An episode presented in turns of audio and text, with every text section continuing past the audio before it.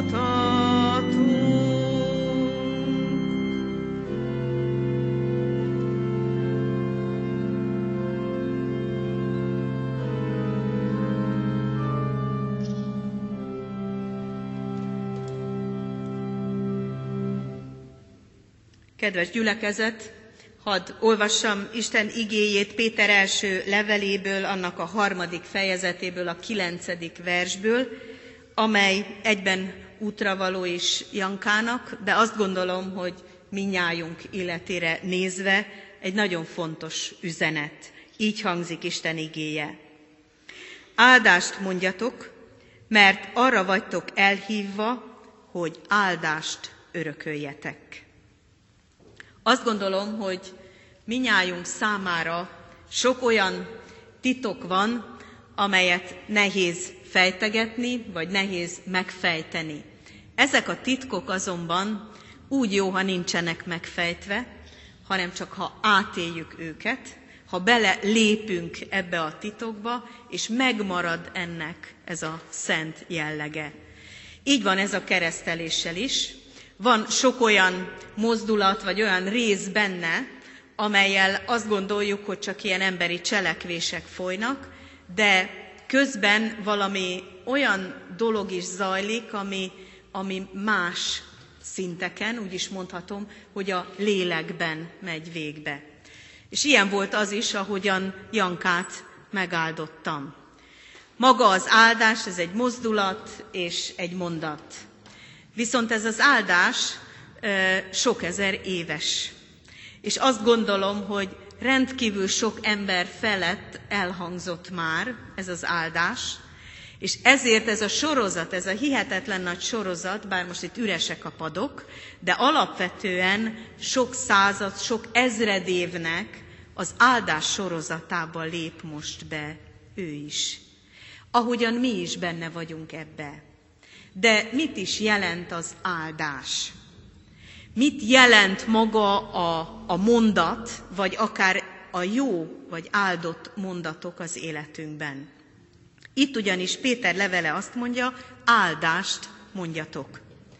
És biztos vagyok benne, hogy nem csak erre az egy mondatra gondol, ami most itt elhangzott, hanem sok más áldásra is. Ha belegondolunk ebbe a magyar szóba, hogy mit jelent az áldás, akkor azt kell végig gondolnunk, hogy az áldás azt jelenti, hogy valami jót kívánni. Valami olyat, ami a másikat segíti az ő életében, ami a másikat előbbre viszi, akár a nehézségek között, akár csak egy döntésben, vagy akár csak az örömét megsokszorozza. Egy szülő, amikor biztatja a gyermekét, hogy sikerülni fog, próbáld meg, még egyszer, amikor így bátorítva áll hozzá, akkor áldást mond neki, mert erősíti, erősíti az ő lelkét, erősíti a készségét, erősíti azt, hogy megálljon önállóan a lábán. Azt gondolom, hogy minden áldás, amit jó szívvel és jó szóval tudunk mondani. Ezért nagyon sok áldást mondunk. Sajnos azonban az életünkhöz hozzátartoznak az átkok is, mert rosszat is tudunk mondani. És bizony ezt is tapasztaljuk, és őrzünk is ilyen mondatokat, amikor valaki nekünk rosszat mondott, és ez a mondat úgy belefúródott a szívünkbe, mint egy nyíl, és máig, ha arra az emberre gondolunk, vagy arra a helyzetre gondolunk, az a rossz mondat jut az eszünkbe, mert tudunk átkot is mondani. Tudjuk bántani egymást, megsérteni egymást, elrontani egy lendületet, tönkretenni egy életet, nagyon sokan sokféleképpen a rosszat is tudják mondani. Az is lehet, hogy mi is emlékszünk ilyen mondatra, amit mi mondtunk valakinek.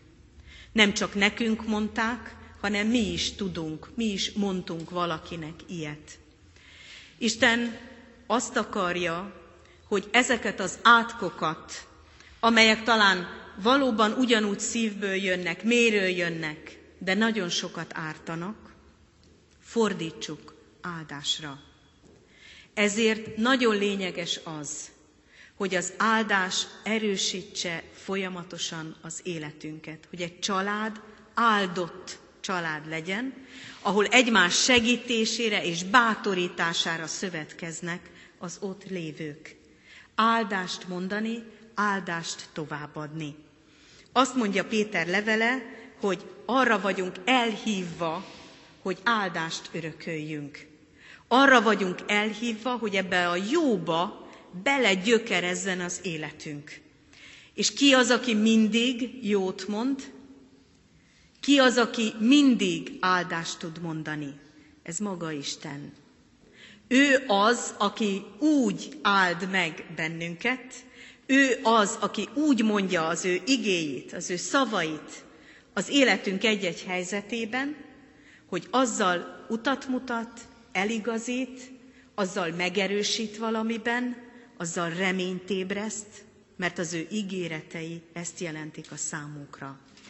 És azért szeretném, hogy ezt az igét vigye Janka is a maga életére nézve, de nyilván ezt ti fogjátok átadni neki, mert ezt ő most majd nem érti, nem tudja megtanulni ezt a mondatot, szépen megnyugodott tőle, elaludt, de mi minnyáján mondhatjuk egymásnak is, családban, gyülekezetben, mert áldásra vagyunk elhívva. Isten azért teremtett bennünket, azért engedett minket is megszületni, mert azt akarja, hogy áldás legyünk.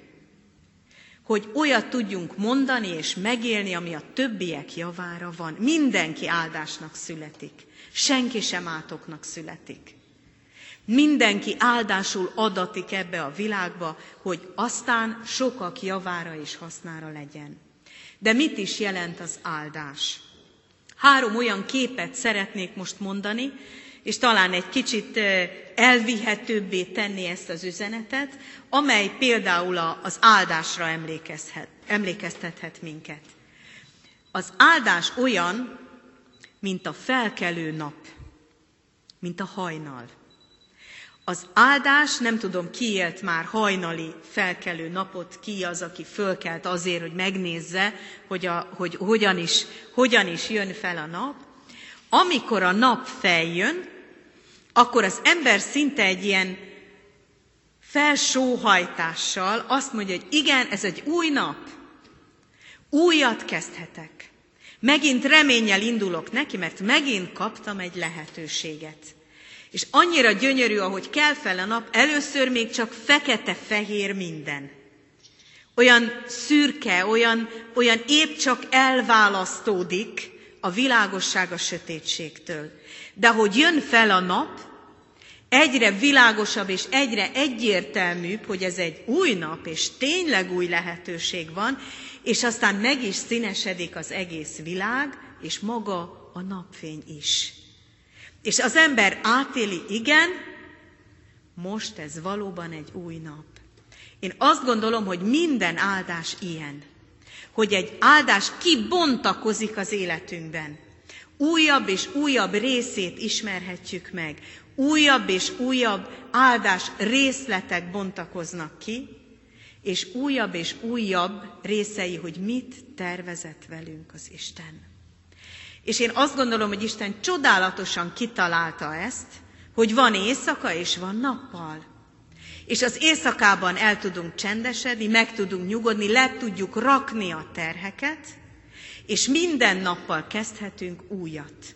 És az az új nap nem muszáj, hogy ugyanúgy menjen végbe, ahogy az előző. Mert lehet újat kezdeni valóban, ha rájöttünk, hogy mit rontottunk el, mi az, amit szeretnénk másként, mi az, amihez kérjük az Isten erejét, bátorítását, kegyelmét. És ezért nagyon szép az a név, amit választottatok. Mert ezt jelenti a Janka Isten kegyelme. És minden név egyben parancs is és ígéret is. És azt gondolom, hogy itt az áldás forrása is itt van, hogy Isten kegyelmes. Ez egy, ez egy hatalmas üzenet. Mindent kegyelemből cselekszik. Ez egy, ez egy csodálatos áldás magában a névben. De ez kibontakozik. Hogy mi minden tartalmaz az Isten kegyelme, ez napról napra, hétről hétre, évről évre, évtizedről évtizedre bontakozik ki. Én azt gondolom, hogy egy kíváncsi lány lesz, aki fölfedezheti az Isten kegyelmét, aki fölfedezheti azt, hogy na, ma mit tervezett nekem Isten? Ma mire nyitotta ki azt a bizonyos napfényt, azt az új napot? Milyen lehetőséget adott? Mit rejtett el az én számomra, és akár rajtam keresztül a többiek számára is? Aztán egy másik képet is hagy hozzak ide. Ez a kép hadd legyen az áldás következő képeként egy ennél talán kicsit egyszerűbb kép, az útjelzőknek a képe. Nem tudom, ki volt már ilyen kék túrán, vagy bármilyen más túrán, ahol leste a jeleket egymás után egy erdőben, hogy a következő jel vajon hol van kirakva, jó úton megyek-e. Hogy az a sárga jel, az a kék, az a piros, vagy bármelyik jel, hol is van a következő hány fával odébb, vagy a domb túlsó oldalán, vagy esetleg már kivágták azt a fát, vagy eltűnt a lej, vagy jel, vagy lekopott az a jel, volt, aki el is tévedt már egy-egy ilyen túrán. Azt gondolom, hogy az áldás egy ilyen jel. Ha olvassuk az Isten igéjét, olvassuk ezeket az áldásokat, az ő mondatait az életünk számára, az mindig mutatja a következő 50 métert, 100 métert, 200 métert. Mindig ad egy következő bátorítást. Menjél! Egész eddig mehetsz. Ez a te utad. Indulj! Bátorodj arra, hogy ezt az utat megtedd. Isten áldása, de a miénk is. Ilyen áldás forrásává, ilyen bátorításá, ilyen útjelzővé lehet egy következő szakaszra, megbátorít bennünket. Ismerek olyan szülőt, aki minden reggel megáldja a gyermekét. Úgy engedi el iskolába. Én azt gondolom, ez egy gyönyörű szokás, hogy az édesapa egy olyan mondatot mond a gyermekének, ami az egész napra eligazítja őt. Az a gyermek így indul el a napnak, nem csak azzal az izgalom, hogy hú, mi lesz ma, felelek, ez lesz az iskolában, az történik velem, nem csak a kihívásokat érzi, hanem azt a bátorító útbaigazítást is, hogy veled van Isten. Nem egyedül mész. Bármi következik, vele élheted át, hiszen az áldás forrása Isten kegyelme. És ezért az a bátorítás, amit adhatunk a gyermekünknek, az így mehet tovább. Így irányíthatja, vezetheti őt hogy valóban elérkezzen addig a célig, amit neki be kell majd tölteni. Ami majd az ő felelőssége, feladata, lehetősége, helye lesz ebben a világban. Nektek is kell ilyen bátorítás. Nem lesz mindig ilyen csepp, és ilyen aranyos, ilyen könnyen kezelhető, hanem mindenféle lesz majd az ő életében. Mindenféle akarat, indulat, mindenféle olyan, amiben majd bölcsen kell nektek is eligazítani őt.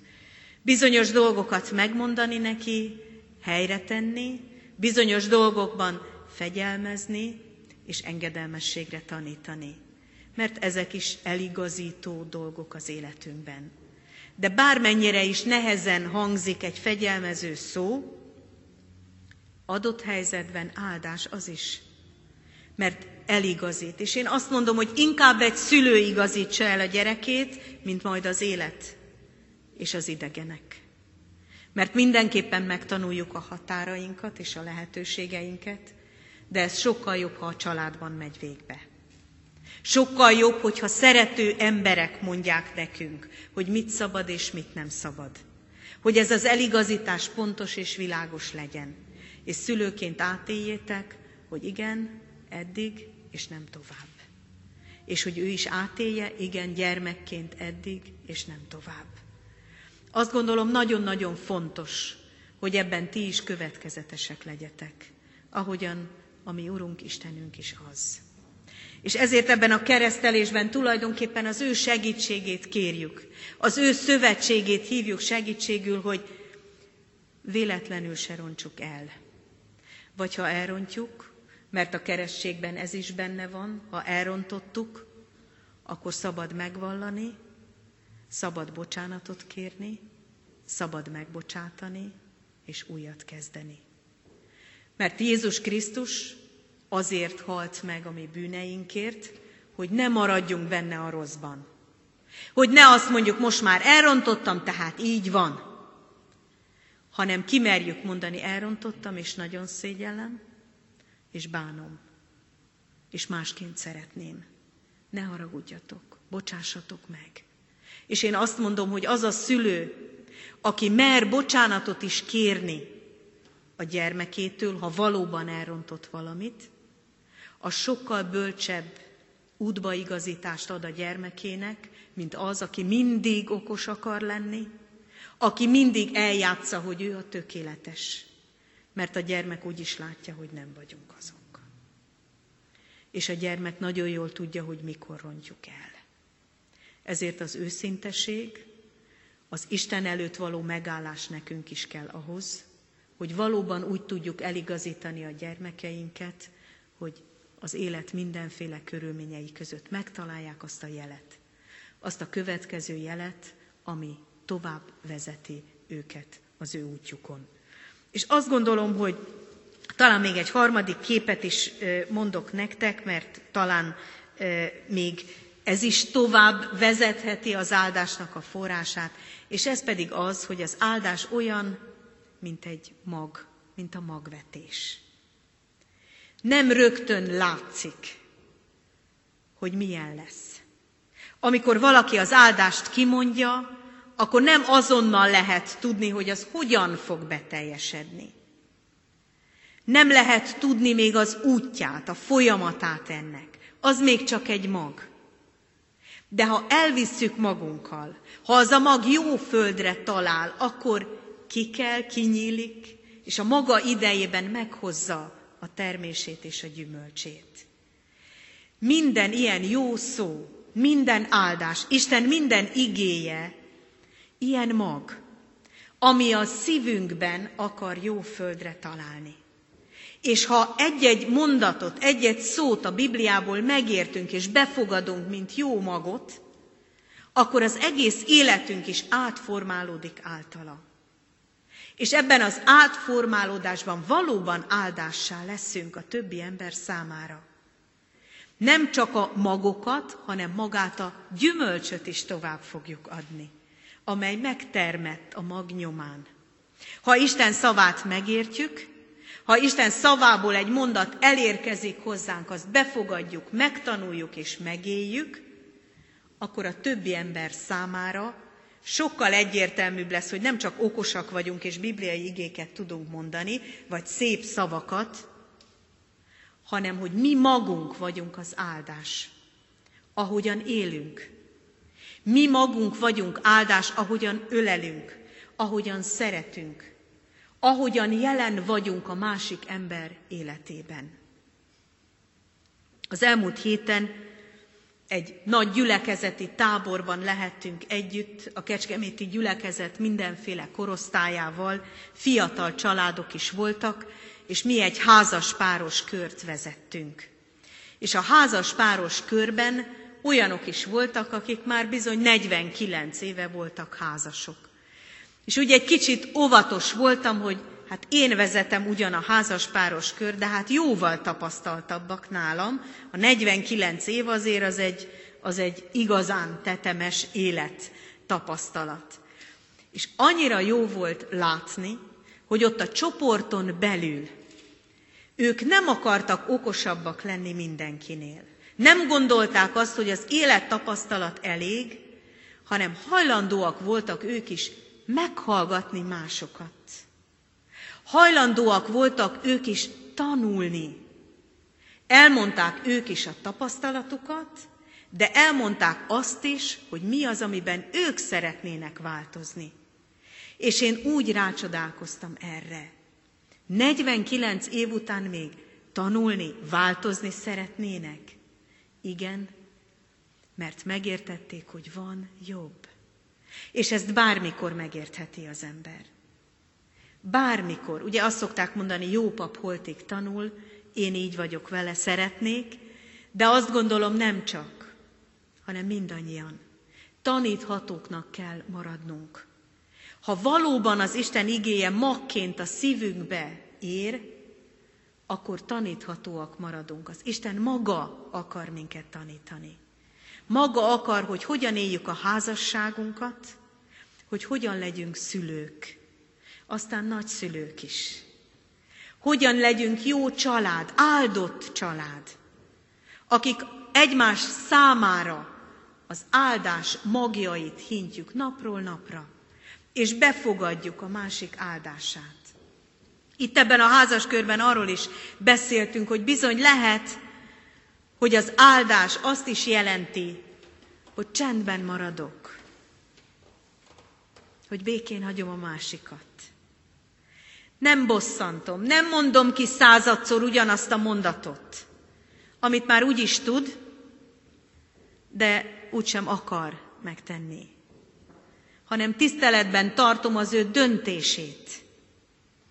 Tiszteletben tartom, hogy amikor majd megérik benne, akkor megteszi.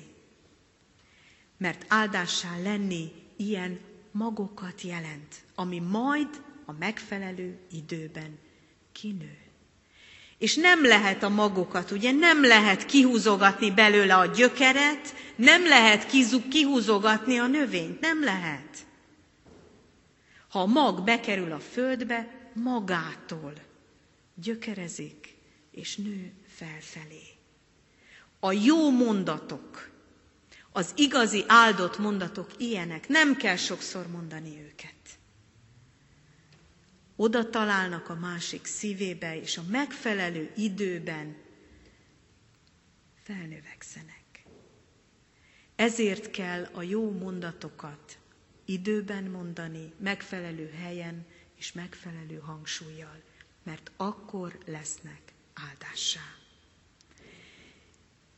Hadd ismételjem meg az igét, és ezt vigyétek alapvetően magatokkal. Áldást mondjatok, mert arra vagytok elhívva, hogy áldást örököljetek. Legyen az Isten kegyelme minnyájunkkal, gyermekkel, szülőkkel, keresztülőkkel, családdal, gyülekezettel, hogy valósággá tudjuk ezt váltani. Ez a világ nagyon-nagyon sok átkot hordoz. Mindaz, ami elhangzik, nagyon sokszor nem áldás forrása. Ahhoz, hogy újra meg újra ebben az áldásban megerősödjünk, mindannyiunknak Isten elé kell állni, meg kell tisztulni a magunk gondolataitól, és újra feltöltődni az ő áldásaival. Ezért van a templom, ezért van a gyülekezet közössége, ezért van a családi áhítatok lehetősége, ezért van a Biblia, amelyet akár otthon, akár nagyobb közösségben olvashatunk. Hogy újra meg újra megszabaduljunk az átkoktól, és újra meg újra feltöltődjünk az áldásokkal. Hiszem, hogy ez lehetséges, és hogy Janka is erre hivattatott el, hogy áldást örököljön. Legyünk mi minnyájan áldások egymás számára. Ezért imádkozzunk most, hajtsuk meg fejünket, és csendesedjünk el.